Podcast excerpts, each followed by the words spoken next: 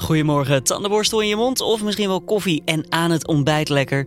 Hartstikke fijn dat je weer luistert naar de Dit Wordt Het Nieuws podcast. Het is 26 februari 2019. Mijn naam is Julian Dom. We gaan het hebben over warm weer in Nederland en dat in februari. En mogelijk tikken we vandaag namelijk de 18 of misschien zelfs 19 graden aan. Lekker voor de terrasgenieters, maar minder voor de hooikoortspatiënten. Voor je het weet wrijf je namelijk je hele ogen eruit. Uh, want elke persoon reageert toch weer anders. En dat zal toch misschien even een zoektocht zijn van wat daar nou het beste helpt of het meest vermindert uh, qua klachten. We gaan erover praten met Ben Langkamp van Weerplaza en bioloog Arnold van Vliet van Wageningen University and Research. Maar eerst kijken we even kort naar het belangrijkste nieuws van nu. R. Kelly is maandag op borgtocht vrijgekomen. Eerder werd de borg van de R&B-zanger op 1 miljoen dollar gezet. Maar uiteindelijk heeft de zanger 100.000 dollar betaald om de gevangenis na drie dagen te mogen verlaten. Kelly wordt ervan verdacht vier mensen, onder wie drie minderjarigen, seksueel te hebben misbruikt. Hij verklaarde eerder onschuldig te zijn. Er zijn vorig jaar minder mensen verhuisd dan in het jaar daarvoor. Het gaat om net iets minder dan 1,8 miljoen personen en dat is een daling van zo'n 5% al dus het Centraal Bureau voor de Statistiek. Het is voor het eerst sinds 2014 dat er weer sprake is van een daling. Als reden noemt het CBS de toenemende krapte op de woningmarkt en er trokken minder mensen weg vanuit asielzoekerscentra. De belangrijkste financieel adviseur van het Vaticaan, George Pell, 77 jaar, is door een jury veroordeeld voor het seksueel misbruiken van twee 13-jarige jongens in het Australische Melbourne. Pell is de belangrijkste financieel adviseur van Paus Franciscus en tevens minister van Economische Zaken van het Vaticaan. Het is ook de hoogste katholieke vertegenwoordiger ooit tegen wie een aanklacht is ingediend wegens seksueel misbruik. De douane heeft in de Rotterdamse haven een container met tienduizenden flessen vodka gericht aan Noord-Korea onderschept. Dat schrijft het AD. Volgens de krant was de drank voor Kim Jong-un en de legerleiding van het land. De partij Sterke Drank is vrijdag in beslag genomen door de douane in opdracht van het ministerie van Buitenlandse Zaken. De vodka was afkomstig uit Rusland.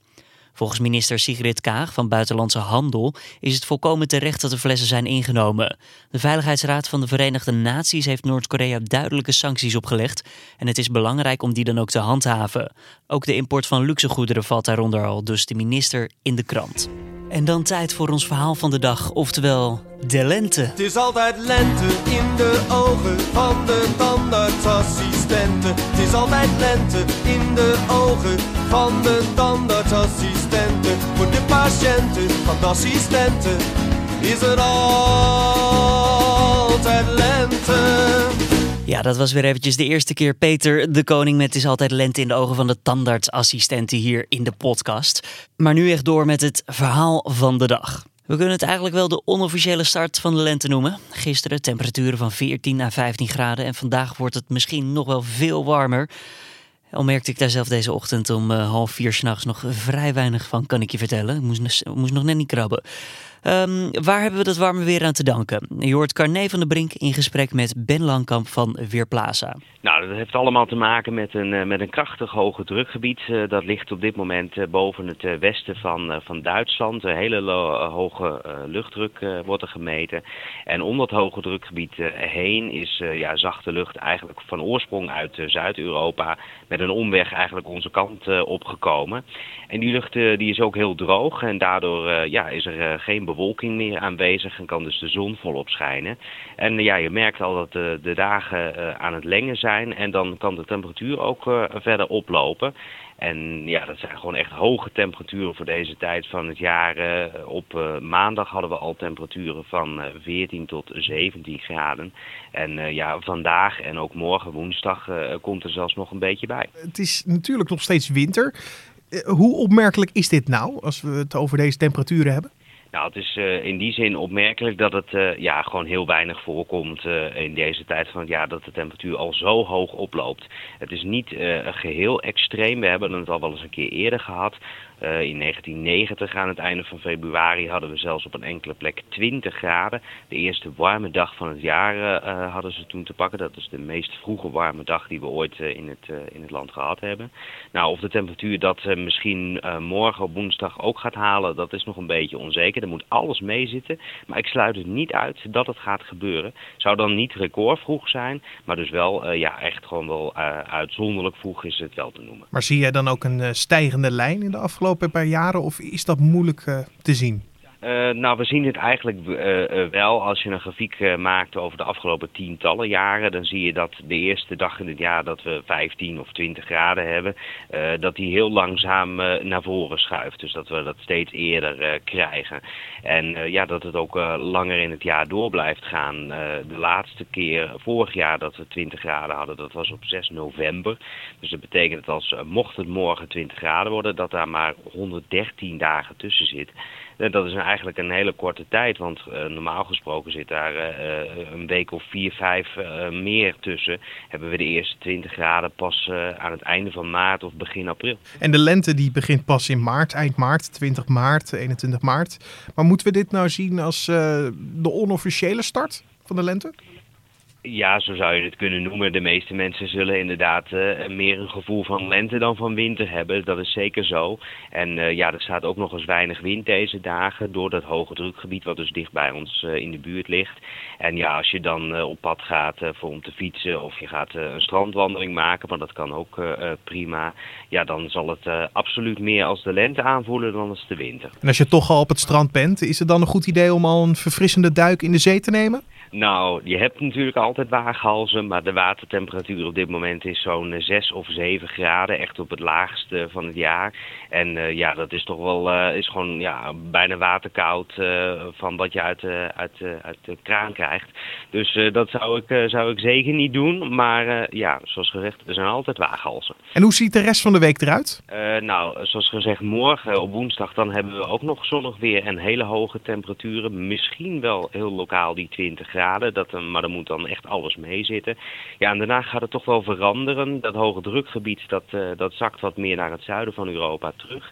En daardoor uh, ja, komt de weg vrij voor wind uit westelijke richtingen. Daarmee wordt vochtiger en minder zachte lucht aangevoerd. We hadden ook de afgelopen dagen koude nachten met lokaal lichte vorst. Nou, dat gaat verdwijnen. S'nachts zal de temperatuur rond een graad of 4 komen te liggen. En overdag gaat de temperatuur terug naar ongeveer 9 of 10 graden is toch wel een duidelijk stapje terug. En voor de rest, ja, dat zonnige weer raken we helaas ook kwijt. Er komt veel meer bewolking. En er zou ook een klein beetje regen kunnen vallen. Op dit moment lijkt het erop dat dat met name in de nacht naar vrijdag is. En in de tweede helft van het weekend, als ook het carnaval gaat beginnen. Ben Langkamp was dat dus vooral met het positieve nieuws. Maar nadelen zijn er dus ook. En zeker als je last van hooikoorts hebt. Hoe erg het wordt en wat kan je er tegen doen? Arnold van Vliet van Wageningen University and Research hebben we daarover gebeld. Ja, het is fantastisch weer, maar ook ideale omstandigheden voor heel veel pollen. En dat hebben we vorige week al gezien en zeker nu weer met die extreem hoge temperaturen. Een beetje wind, uh, volop zon zijn ideale vliegomstandigheden voor pollen. En ook door die hoge temperaturen dat bomen uh, eigenlijk massaal tegelijkertijd in bloei komen. En hebben het vooral over de elzen en de hazelaars. Waardoor je dus nog een hogere concentratie krijgt. Want uh, voor de mensen die er zelf geen last van hebben, waar heb je nou last van? Waar leid je aan op het moment dat je hooikoorts hebt? Nou, mensen hebben last van uh, de pollen, maar eigenlijk de eiwitten, de allergenen zoals ze ze noemen, op uh, het pollen en in het pollen. En als je daarmee in contact komt met je ogen, je luchtwegen, dan, dan kan dat uh, ja, een overdreven afweerreactie van je lichaam oproepen. En dat kan leiden tot niezen, tot uh, jeukende ogen, uh, maar ook in extreme gevallen tot bijvoorbeeld een astma-aanval en dan met ademhalingsproblemen. Ja, dus echt wel op het moment dat je het hebt, kan je er echt wel, nou ja, gechangeerd even gezegd, gek van worden. Ja, en, en veel hooikoortspatiënten vinden zichzelf niet ziek. Dat is een beetje een, een eigenschap op een of andere manier. Um, maar het, we weten wel, ook uit allerlei wetenschappelijke studies, dat het de kwaliteit van leven enorm kan beïnvloeden. Um, en zeker als je er hele heftige klachten van hebt en waar je ook echt uh, een medicijngebruik en uh, hele zware medicijnen nodig hebt, dan kan dat dus echt gewoon ervoor zorgen, zelfs in die extreme gevallen, dat mensen gewoon niet naar buiten kunnen, omdat, het, ja, omdat er pollen in de lucht hangen. Ja, maar we zitten nu nog in februari. Het is nog, uh, als we naar de kalenders kijken, nog winter. Uh, is het niet vrij opmerkelijk dat we nu al te maken hebben met hooikoorts? Ja, het is sowieso een heel bijzonder jaar. Want de eerste hooikoortspiek, of de pollenpiek, hadden we al met de eerste kerstdag. Uh, dus was eigenlijk nog in het vorige jaar, maar toen begon het seizoen eigenlijk al. Ook door die hele hoge temperaturen die we ook in de afgelopen maanden hadden. Uh, toen waren de buitenlandse elzen, dus, die, elzen die van uit het buitenland komen, die in Nederland aangeplant staan, die kwamen toen al in bloei. Normaal gesproken is dat uh, in de loop van januari. En nu hebben we vooral te maken met een hele vroege explosieve bloei van de els. En dat is dus inderdaad heel vroeg. Maar dat komt weer door die hele hoge temperaturen. Eigenlijk in januari al, maar zeker nu de laatste weken knalt het eruit.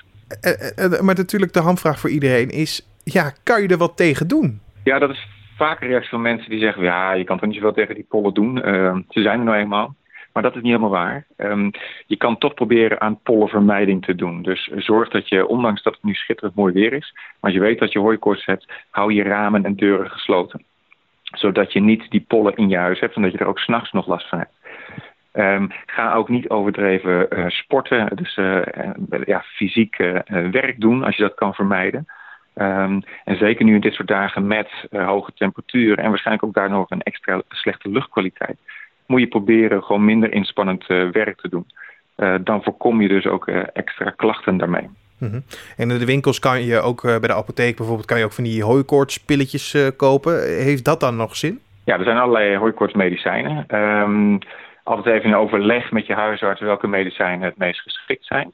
Uh, maar vaak bieden die wel uh, verlichting. Maar zeker op de zware hooikoortspatiënten zal, dat niet voldoende verlichting geven. Dus die zullen toch uh, klachten blijven houden.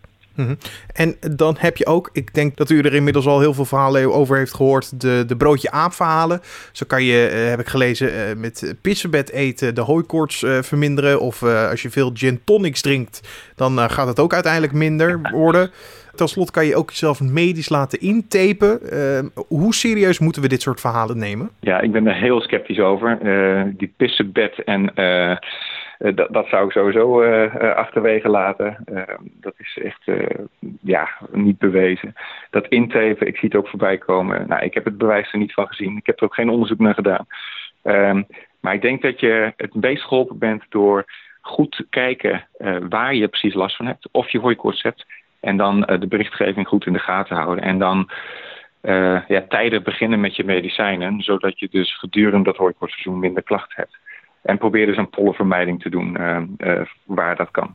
Precies. Maar op het moment dat je wel ergens, ja, als je er last van hebt, kunnen we dan wel ergens zien op, op een website bij je apotheker, bij je dokter, die kan laten zien, oké, dit helpt wel uh, qua vermindering van je hooikoorts? Nou, het is qua medicijngebruik echt in overleg met de huisarts. Uh, want elke persoon reageert ook weer anders. En dat zal toch misschien even een zoektocht zijn van wat daar nou het beste helpt of het meest vermindert qua klachten. Um, het kan ook verstandig zijn om goed te weten waar, van welke pollen je last hebt. Want heel veel hooikoortspatiënten hebben eigenlijk niet door van welke uh, boompollen of kruidpollen, graspollen men last heeft. En kan men ze ook niet goed voorbereiden op de komst daarvan. Door bijvoorbeeld tijdig met medicijnen te beginnen of ze in huis te hebben. Um, en daarnaast, als je weet waar je last van hebt, dan, dan is het ook eens nuttig om te kijken naar kruisreacties met voedselallergieën. Bijvoorbeeld met berkenpollen is bekend, als je last hebt van berkenpollen, die worden eind maart verwacht, de eerste, uh, dat je dan ook beter even geen appels kunt eten, want dat je daar dan ook gevoelig voor bent. Nou, dat geldt voor heel veel van die verschillende pollensoorten.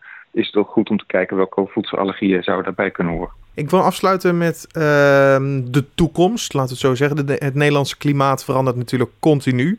Uh, wat betekent dat voor de hooikoorts in de toekomst? Nou, we zitten midden in die verandering van klimaatverandering. We zien dus ook de effecten optreden. Aan de ene kant krijgen we dus een langer groeiseizoen. Het begint tegenwoordig al in december, dat zou misschien wel in november kunnen gaan. Ehm, en aan de achterkant van het seizoen, eh, dan hebben we het over eh, augustus, september is het meestal wel voorbij. Daar komen nieuwe soorten bij, uh, warmteminnende soorten zoals ambrosia. En, en die bloeit juist september, oktober. Dus dan zou je juist ook nog aan het einde van het seizoen een verlenging kunnen krijgen.